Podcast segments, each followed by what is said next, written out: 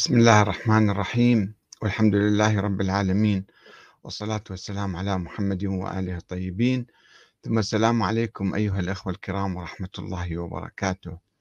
هذه الحلقة الثالثة من سلسلة آه، أحاديثنا عن أسطورة الهجوم على بيت الزهراء عليه السلام.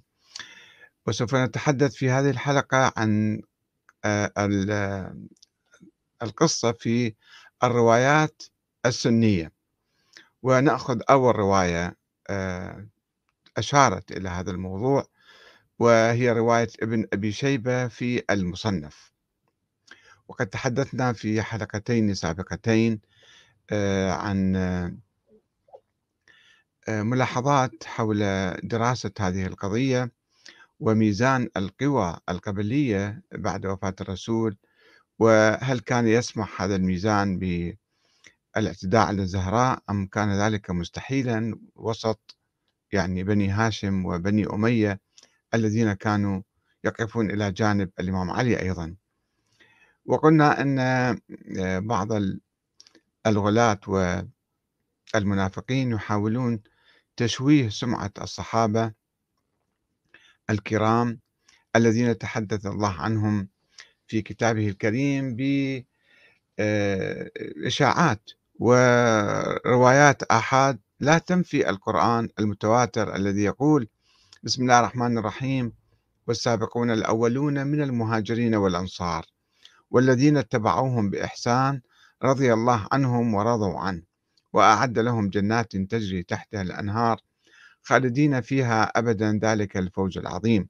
في مقابل هذا ال ال يعني ال المبدأ أو النص الذي آه، يترضى الله فيه على الصحابة يأتي شخص بعد قرون من الزمن فينقل إشاعات كاذبة لكي يشوه سمعة الصحابة الذين نشروا الإسلام وضحوا بأنفسهم وأموالهم في سبيل ذلك. والآن نستعرض هناك طبعا روايات سنية وروايات شيعية. خلينا نشوف قيمة هذه الروايات آه، ما هي قيمة هذه الروايات؟ وسوف أستعرض لكم إن شاء الله في حلقات قادمة آه، يعني أول رواية رواية ابن أبي شيبة في المصنف اللي توفى هذا الشخص في سنة 235 كلها من القرن الثالث الهجري. ورواية البلاذري في أنساب الأشراف توفى سنة 278 والدينوري في كتاب الإمامة والسياسة اللي توفى هذا 276 ثم ابن عبد ربه الأندلسي في القرن الرابع في كتابه العقد الفريد توفى هذا الشخص سنة 328 والطبري في تاريخه توفى طبعا الطبري, الطبري سنة 310 ثم في القرن الرابع أبو بكر أحمد بن عبد العزيز الجوهري في كتابه السقيفة أيضا. آه، هذا مو معروف بالضبط متى متوفي ولكن في القرن الرابع الهجري. ثم الطبراني في المعجم الكبير بعد ذلك والشهرستاني في آه، محمد عبد الكريم في كتابه الملل والنحل. آه، ما ينقل عن النظام توفى هذا الشهرستاني في القرن السادس سنة 548 وماذا يذكر ابن أبي الحديد المعتزلي في شرح نهج البلاغة؟ وهو توفي في القرن السابع. وثم يجون ناس آخرون مثل الصفدي في القرن السابع يردد هذه التهم. يعني ما هي قيمة آه، هذه الروايات؟ رواية رواية سوف ندرسها ونشوف التسلسل والتناقض في هذه الروايات. فإذا اليوم نتحدث آه، عن رواية ابن أبي شيبة في المصنف. ورد في خبر في مصنف ابن أبي شيبة. الذي كما قلت لكم توفي سنة 235 هذا الخبر نقله عن محمد بن بشر اللي هو ابن الفرافصة العبدي توفي سنة 203 يعني آه، صار آه، يعني آه، قبل بعشرات من السنين. يقول حدثنا عبيد الله ابن عمر اللي ابن حفيد عمر بن الخطاب يعني عبيد الله ابن عمر ابن حفص بن عاصم ابن عمر بن الخطاب. هذا عبيد الله كان معاصر لمالك بن أنس يعني في أواسط القرن الثاني الهجري. فإذا محمد بن بشر اللي متوفي سنة 203 ده ينقل عن واحد قبل حوالي 30 40 50 سنة مثلا. يقول هذا الشخص حدثنا زيد بن أسلم العدوي نسبة إلى قبيلة عدي اللي قبيلة عمر بن الخطاب وهذا الشخص توفى سنة 136 زيد بن أسلم العدوي متوفى سنة 136 آه عن أبيه أسلم مولى عمر بن الخطاب اللي توفي بين سنة 60 و70 بالضبط ما يعرفون هالحدود يعني. آه أنه يروي هاي الرواية. هسه شوفوا السلسلة واحد عن واحد عن واحد. آه مو كلهم يقولون حدثنا أو كذا لا رواية عن فلان عن فلان. أنه حين بوي على أبي بكر بعد وفاة رسول الله صلى الله عليه وسلم كان علي والزبير يدخلان على فاطمة بنت رسول الله. علقوا في بيته. فيشاورونها ويرتجعون في أمرهم أنه ماذا يفعلون؟ يبايعون؟ لا يبايعون. فلما بلغ ذلك عمر بن الخطاب خرج حتى دخل على فاطمة. فقال يا بنت رسول الله صلى الله عليه وسلم والله ما من أحد أحب إلينا من أبيك وما من أحد أحب إلينا بعد أبيك منك. وأيم الله ما ذاك بمانع إن اجتمع هؤلاء النفر. عندك أن أمرتهم أن يحرق عليهم البيت. قال هذا أسلم. يقول فلما خرج عمر جاءوها فقالت تعلمون أن عمر قد جاءني وقد حلف بالله لئن عدتم ليحرقن عليكم البيت. وأيم الله ليمضين لما حلف عليه. فانصرفوا راشدين فروا رأيكم. ولا ترجعوا إليه لا تجون تعتصمون في بيتي. فانصرفوا عنها فلم يرجعوا إليها حتى بايعوا لأبي بكر. هذا في كتاب ابن أبي شيبة المصنف اسمه في قسم كتاب المغازي ما جاء في خلافة أبي بكر وسيرته. رواية رقم أربعة. وهناك رواية أخرى آه، لابن أبي شيبة في نفس الصفحة.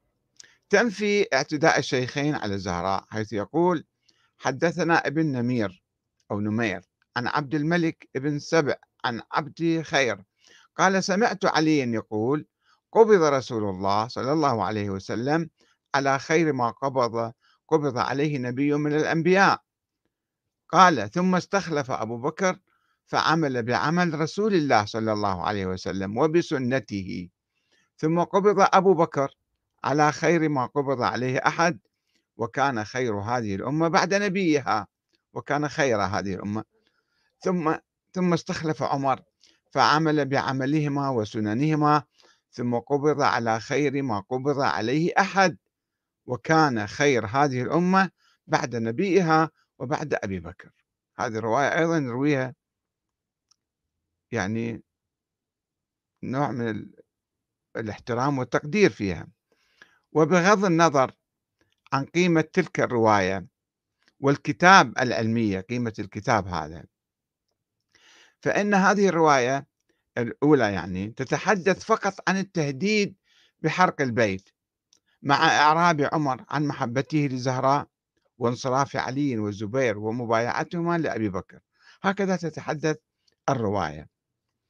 اللي طبعا السيد الخوئي يقول أن أبو بكر وعمر كان يحب كان يعني يحبان آه، فاطمة الزهراء ولم يكونا ناصبيين. الرواية عن أسلم العدوي كل رواية شوفوها جاية علما عن أسلم العدوي وهو عبد اشتراه عمر في مكة سنة 11 للهجرة أي بعد الحادثة بشهور وهو لم ينقل الرواية عن أحد فقط هو دي الرواية هو اللي يتكلم وهو ما كان موجود مع عمر لما تكلم وتتضمن سلسلة الرواية أحد حفدة عمر بن الخطاب وهو عبيد الله الذي ينقل عنه محمد بن بشر في منتصف القرن الثاني الهجري. هاي الرواية هكذا. وأما الكتاب اللي هو المصنف فإن ابن أبي شيبة يحشد فيه ما يجد من النصوص والروايات. الشفوية طبعا. بغض النظر عن صحة هذه النصوص أو ضعفها يروي روايات هكذا يجمع إلا إذا كانت ظاهرة الوضع ما ينقلها بس إذا ينقل هكذا كل ما يسمع كان ينقل. وبلغت نصوص الكتاب في جملتها ليش نقول هالكلام؟ لأنه شوفوا إيش قد جامع روايات هو. 37251 نصا مسندا. منها ما هو المرفوع ومنها ما هو الموقوف ومنها ما هو المقطوع. ومن الروايات التي يرويها المؤلف عن آه، آه، عن محمد بن بشر أيضا يجيب روايات هكذا. مثلا شوف من الروايات اللي ينقلها. آه، قصة محاولة الإمام علي الزواج من ابنة أبي جهل على فاطمة كان يتزوج على فاطمة حيث يقول حدثنا محمد بن بشر نفسه هذا الرجال. عن زكريا عن عامر عن عن كله. قال خطب علي ابنة أبي جهل إلى عمها الحارث بن هشام. فاستأمر رسول الله في ذلك. فقال النبي قال له عن حسبها تسألني؟ قال راح. قال للنبي أتزوج فلانة على فاطمة. فالنبي تعجب قال له شنو؟ على عن حسبها تسألني؟ قال علي قد أعلم ما حسبها. ولكن أتأمرني بها؟ تسمح لي يعني؟ قال لا.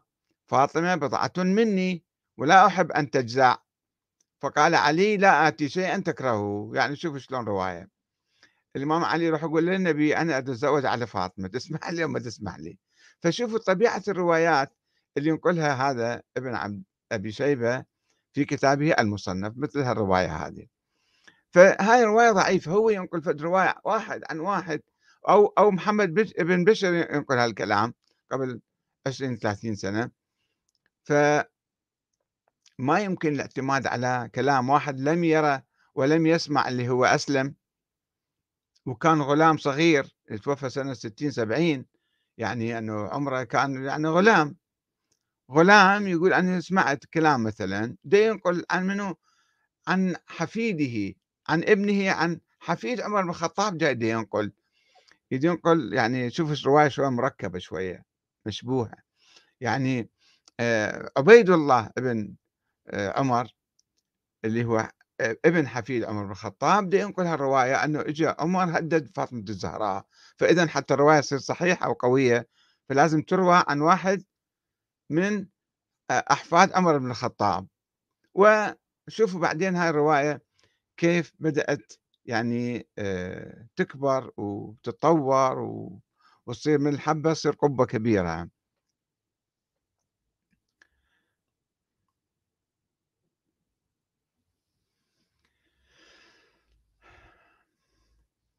نأخذ الآن قسما آخر من هذه الروايات السنية. هي أسطورة الهجوم على بيت الزهراء. الحلقة الرابعة في الروايات السنية البلاذري في أنساب الأشراف. نشاهد مثل هذا التخبط لدى مؤرخ آخر هو البلاذري في أنساب الأشراف حيث ينقل مجموعة روايات متناقضة وكلها بلا سند متصل روايات. وهو في القرن الرابع القرن الثالث هذا كان. فيشير في الرواية الأولى التي ينقلها عن أحمد بن محمد أيوب. يقول حدثنا إبراهيم بن سعد عن محمد بن إسحاق عن الزهري.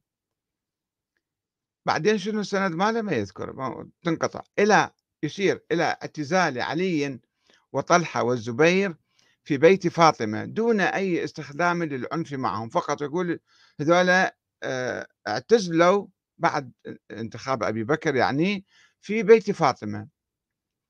أنساب في كتاب آه، أنساب الأشراف صفحة 251 ويؤكد هذا المعنى في الرواية الثانية بدون أن يذكر أي شيء فقط أنه اعتزلوا. في الرواية الثانية التي ينقلها عن هدبة بن خالد حدثنا حماد بن سلمة أنبأ الجريري عن أبي نضرة من هو شنو هو بعدين وين هذا والتي يقول فيها أن عليا والزبير فتح الباب لعمر. اجى عمر عليهم قال تعالوا اطلعوا بايعوا وخرج معه طائعين وبايع أبا بكر. قال تعالوا بايعوا راحوا بايعوا. حيث يقول لما بايع الناس أبا بكر اعتزل علي والزبير فبعث إليهما عمر بن الخطاب وزيد بن ثابت فأتيا منزل علي فقرع الباب. فنظر الزبير من فترة ثم رجع إلى علي فقال هذان رجلان من أهل الجنة. وليس لنا أن نقاتلهما. قال افتح لهما. ثم خرجا معهما حتى أتيا أبا بكر. فقال أبو بكر يا علي أنت ابن عم رسول الله وصهره فتقول أني أحق بهذا الأمر. لاها لاها الله لأنه أحق به منك. آه، قال لا تثريب. لا معلش آسف يعني عفوا لا تثريب. يا خليفة رسول الله أبسط يدك أبايعك. فبسط يده فبايعه. ثم قال للزبير تقول أنا ابن عمة رسول الله وحواريه وفارسه وأنا أحق بالأمر؟ لا الله لا أنا أحق به منك. فقال لا تثريب مو, مشكلة. يا خليفة رسول الله أبسط يدك. فبسط يده فبايعه. هكذا يبايعون كانوا. نفس المصدر صفحة 252 كان نشوف الرواية الثالثة اللي يرويها هذا البلادري. آه، في الرواية الثالثة التي ينقلها عن المدائني عن عبد الله بن جعفر عن أبي عون. شلون بالقرن الثالث أواخر القرن الثالث يروي رواية قبل 300 سنة 200 300 سنة. ولكنه يذكر أن البيعة عنده إشارة إضافة شوية فيها أن البيعة تمت بعد ارتداد العرب. وأنها تمت بشكل سلمي وودي حيث يقول لما ارتدت العرب مشى عثمان إلى علي فقال يا ابن عم أنه لا يخرج أحد إلى هذا العدو وأنت لم تبايع.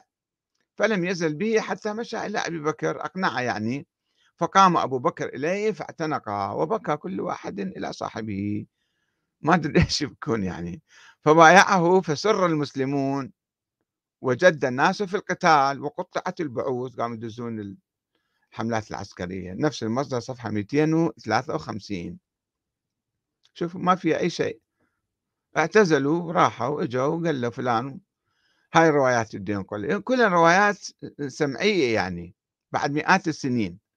ولكن البلاذري يشير في رواية رابعة ينقلها عن بكر بن الهيثم. يقول حدثنا عبد الرزاق عن معمر عن الكلبي عن أبي صالح عن ابن عباس. إلى أمر أبي بكر لعمر بالإتيان بعلي إليه بأعنف العنف. صار فيه شوية كلام يعني زايد الآن أنه تجيب لي بقوة بأعنف العنف قبل أن يبايع. دون أن يذكر تفاصيل عملية الجلب وما حدث خلالها من عنف هو نقلها أخرى بصورة سلمية ودية وما في شيء هنا قال لا شوية روح استخدم. بس كلام أبو بكر قال له بأعنف العنف. ثم يشير البلادري في رواية خامسة ينقلها عن المدائني عن مسلمة ابن محارب عن سليمان التيمي وعن ابن عون إلى أن أبا بكر أرسل إلى علي يريد البيعة فلم يبايع فجاء عمر ومعه قبس شال شعلة نار شوف شلون طورت الرواية فتلقته فاطمة على الباب فقالت فاطمة يا ابن الخطاب أتراك محرقا علي بابي؟ قال نعم. وذلك أقوى فيما جاء به أبوك وجاء علي فبايع. بس شايل شايل آه، قبس هذا. يخرعهم يعني. وقال كنت عزمت أن لا أخرج من منزلي حتى أجمع القرآن. الإمام علي قال له أنا مو يعني معاند إلك بس أنا أريد أجمع القرآن فالآن اجيت بايعت. وبغض النظر عن انقطاع السند في كل روايات البلادري الآنفة. توجد ملاحظة على شخصيته الانتهازية إذ ينقل عنه أنه كان يمدح المأمون ثم كان من ندماء المتوكل اللي هو صار سني مقابل المعتزلة يعني كما يقول ابن عساكر وياقوت الحموي. ويقال أنه وسوس في آخر أيامه ومات في البيمارستان يعني مستشفى الأمراض العقلية. وأما المؤرخ البصري علي بن محمد أبو الحسن المدائني اللي ينقل عنه فقد توفي سنة 224 الذي نقل البلادري عنه الرواية الأخيرة. فإنه حسب علم الرجال ليس بالقوي في الحديث كما يقول ابن عدي في الكامل ولم يذكره ابن حبان في الثقات إضافة إلى أنه قلما يذكر رواية مسندة بس روايات مقطوعة هكذا. ومن هنا فإن رواية البلاذري في القرن الثالث الهجري عن استعمال عمر للعنف مع علي أو أبو بكر قال له بيعنا في العنف أو تهديده بقبس من نار تهديد فقط. بهاي الرواية هذه الرواية ضعيفة لا يمكن الاعتماد عليها في مقابل الروايات الأخرى.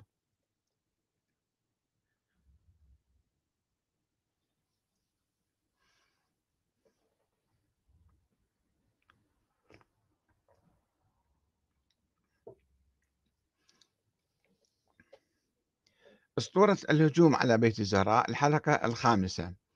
في الروايات السنية الدينوري في كتاب الإمامة والسياسة. وإذا ما انتقلنا إلى كتاب آخر صدر في نفس الفترة وهو كتاب الإمامة والسياسة لابن قتيبة الدينوري. توفى سنة 276 يعني تقريبا مقارب للبلاثري فإننا سوف نشاهد فيلما هنديا مليئا بالبكاء والدموع والخيال اللامحدود. بدل أن نقرأ رواية علمية تاريخية محترمة يعتمد عليها. وفي الحقيقة أن ابن قتيبة يعفينا عن تجشم الرد على روايته الأسطورية بالاعتراف مسبقا في مقدمة الكتاب بأنه يعتمد طريقة الجمع والقص والتأليف يركب شيء على شيء دون ذكر دقيق للمصادر ما يجيب أي مصدر. وهي طريقة غير علمية وتثير كثيرا من الشكوك والريبة فيما يرويه حيث يقول تحت عنوان استخلاف رسول الله صلى الله عليه وآله وسلم أبا بكر رضي الله عنه عن ابن مريم. قال حدثنا العرياني عن أبي عون بن عمر بن تيم الأنصاري رضي الله عنه وحدثنا سعيد بن كثير عن عفير بن عبد الرحمن قال حدثنا بقصة استخلاف رسول الله صلى الله عليه وسلم لأبي بكر وشأن السقيفة وما جرى فيها من القول والتنازع بين المهاجرين والأنصار وبعضهم يزيد على بعض في الكلام فجمعت ذلك كله وألفته على معنى حديثهم ومجاز لغتهم. يقول يعني سمعت منا ومنا ومنا كلام فأنا حطيتها بالعصارة وطلعت العصير ماله. هذا في صفحة 10 و11 يقول الكلام. ومن هنا فإن ابن قتيبة يضيف على الروايات السابقة كثيرا من التفاصيل الجزئية الجديدة من جيبه الخاص حيث يقول إن أبا بكر رضي الله عنه تفقد قوما تخلفوا عن بيعته عند علي كرم الله وجهه. فبعث إليهم عمر فجاء فناداهم وهم في دار علي فأبوا أن يخرجوا ذاك البلاد اللي يقول شافوه من فتحة الباب. فدعا بالحطب. هنا صار الدينوري لا مو بس جاب قبس لا جاب حطب أيضا. آه، والذي نفس عمر فبعث إليهم فبعث إليهم عمر. فجاء فناداهم وهم في دار علي. فأبوا أن يخرجوا فدعا بالحطب. قال جيبوا خلينا نحرق البيت عليهم. وقال والذي نفس عمر بيده لتخرجن أو لأحرقنها على من فيها. فقيل له يا أبا حفص إن فيها فاطمة. فقال وين حتى لو كان فاطمة أنا سأحرقها هي والبيت. فخرجوا خافوا ذول الجماعة فبايعوا. إلا عليا قاعد ببيتهم هذولاك البقية طلعوا بس الإمام علي قاعد في البيت. فأتى عمر أبا بكر. اجى عمر إلى أبي بكر يعني. فقال له ألا تأخذ هذا المتخلف عنك بالبيعة؟ هذا مدى يجي بايع؟ مدى يقبل؟ فقال أبو بكر لقنفذ وهو مولى له اذهب فادع لي عليا. قال فذهب إلى علي فقال له يدعوك خليفة رسول الله؟ فقال علي لسريع ما كذبتم على رسول الله؟ فرجع فأبلغ الرسالة. قال فبكى أبو بكر طويلا بس مع الكلمة هذه قام يبكي. فقال عمر الثانية لا تمهل هذا المتخلف عنك بالبيعة. فقال أبو بكر رضي الله عنه لقنفذ عد إليه فقل له خليفة رسول الله يدعوك لتبايع. فجاء قنفذ فنادى ما أمر به فرفع علي صوته فقال يا سبحان الله. صفحة 19 نفس الكتاب مال الإمام والسياسة. شوفوا ناس صار الفيلم عمر شوية طورت القصة عمر جاب آه، حطب وراد يحرق البيت وهددهم بحرق البيت مو جاب قبس فقط. ذاك البلادري في إحدى رواياته يقول جاب قبس هنا لا جاب حطب. وما بعد ما شعل النار بس جاب حطب. وكثيرا ما يستشهد الشيعة برواية ابن قتيبة باعتباره سنيا. هذا سني دي يعترف يعني خلص بعدها صارت رواية مية مية صحيحة. دون أن ينظروا إلى طبيعة كتابه الإمامة والسياسة المثير للشك والريبة والذي يحتوي على قصص وحكايات ضد أئمة أهل البيت أيضا وواضحة البطلان. فهو مثلا يروي أن الإمام الحسن كان ينتقد أباه الإمام عليا ويلومه وجها لوجه يتعارك الإمام علي. الحسن يتعارك الإمام علي. وأن الإمام كان يستهزئ بابنه الإمام علي كان يستهزئ بالحسن فيقول عنه أما الحسن أما الحسن فصاحبه خوان وفتى من الفتيان ولو التقت حلقة البطان لم يغن عنكم في الحرب حثالة عصفور هذا ما يفيد بالحرب. نفس الكتاب ماله صفحة 49 و 132 شوفوا روايات عجيبة غريبة ينقل لأنه هو كان يجمع روايات في القرن الثالث. بعد عشرات السنين 200 200 وكسور سنة ينقل رواية مسويها فيلم هندي ها بكى وإجا وما قال لا حرق ولا شيء بس فهذه يعني هذه الطريقة في نقل الروايات والاعتماد عليها إشاعات يعني تصوروا بعد مو عشر سنين ولا مئة سنة نفس اليوم هالأيام هذه شوفوا خلاف يحدث بين سياسيين وواحد يذيب إشاعات على الآخر وما تدري هذا الخبر صحيح لو خبر كذب. شلون واحد بعد عشرات السنين بعد مئات السنين يجي ينقل كلام بدون سند وتعال يا بصدق بي أنت. ف وتعال غير الصورة دول الصحابة الكرام الذين نشروا الإسلام والسابقون الأولون من المهاجرين والأنصار يطلعوا ناس دين ما عندهم ناس منافقين ناس مرتدين ناس مثلا كذابين بس يبحثون عن السلطة والسياسة ودي يتعاركون على السلطة. إن شاء الله نتحدث في آه، الحلقات القادمة عن آه، رواية آه، ابن عبد رب الأندلسي في العقد الفريد والطبري وغيره من الروايات. نكتفي بهذا القدر الآن حتى لا نطيل عليكم. فانتظرونا إن شاء الله في الأيام القادمة. والسلام عليكم ورحمة الله وبركاته.